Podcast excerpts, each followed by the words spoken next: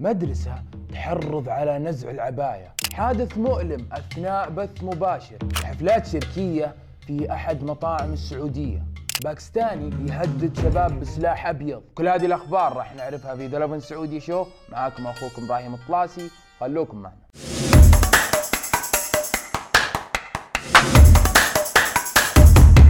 تحسبون دولتنا الهجوم عليها بس بالمخدرات والسواليف ذي؟ إذا أنتم ظنكم كذا فتراكم غلطانين. الموضوع صار يوصل أكبر من كذا. وصل الموضوع لاستغلال ومحاربة عقيدتنا عشان يحقق المجرم المعادي أهدافه. والمشهد اللي بتشوفونه الحين مؤلم جدا واللي هو تعليم الأطفال الصغار على التطرف الانحلالي من خلال مشاهد تمثيلية مبطنة.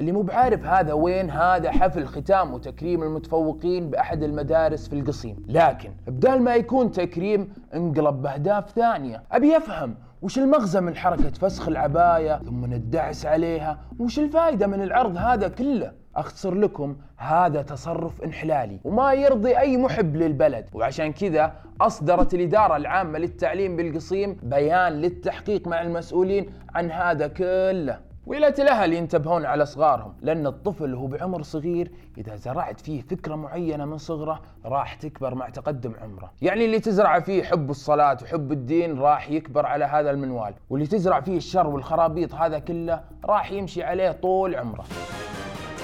كم من الناس راحت بسبب تهور القيادة؟ وكم من الناس كانت سرعة في سبب شللهم. كم من أم بكت على ابنها وكم من زوجة ترملت بسبب تهور زوجها. كل هذه صارت بسبب السرعة والتهور بالقيادة. أنا أعتذر منكم على المشهد اللي بقدمه لكم لكن مجبورين نعرضه عشان الكل يتعظ.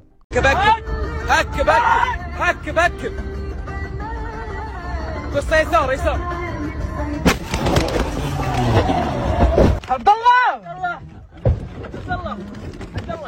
عبد الله عبد الله عبد الله يا حبايبنا لا يبدأ الواحد فينا إلا هو قاري أذكار الصباح ولا يجي المساء إلا هو قاري أذكار المساء. لأن ما تدري من يقابلك من هالمجانين في الشارع. يعني مثال شوفوا راعي الجمس حاله حال نفسه يمشي وفجأة يلقى نفسه مصدوم من سرعة جنونية. بس تطمنوا راعي الجمس على حسب كلام البعض نجا من اللي صار. والحمد لله على سلامته.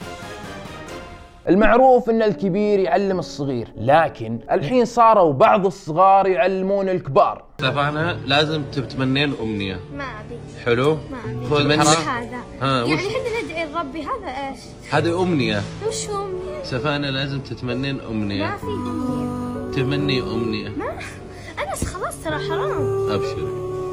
شرك شرك.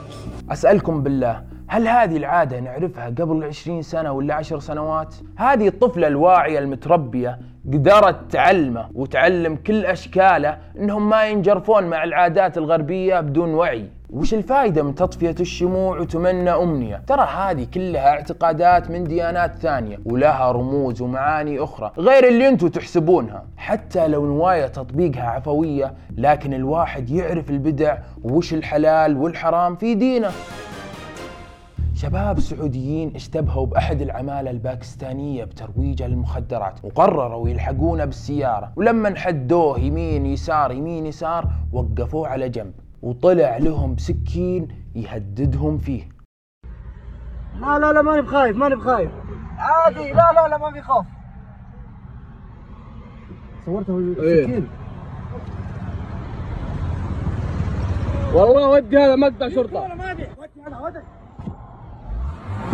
لاحظوا عليه ما خاف حتى من التصوير وكأنه شيء طبيعي اللي يسويه. شكله ذا مجرم درجة أولى. أتمنى نسمع تم القبض عليه قبل يتسبب في أذية أشخاص ما لهم دخل في السالفة.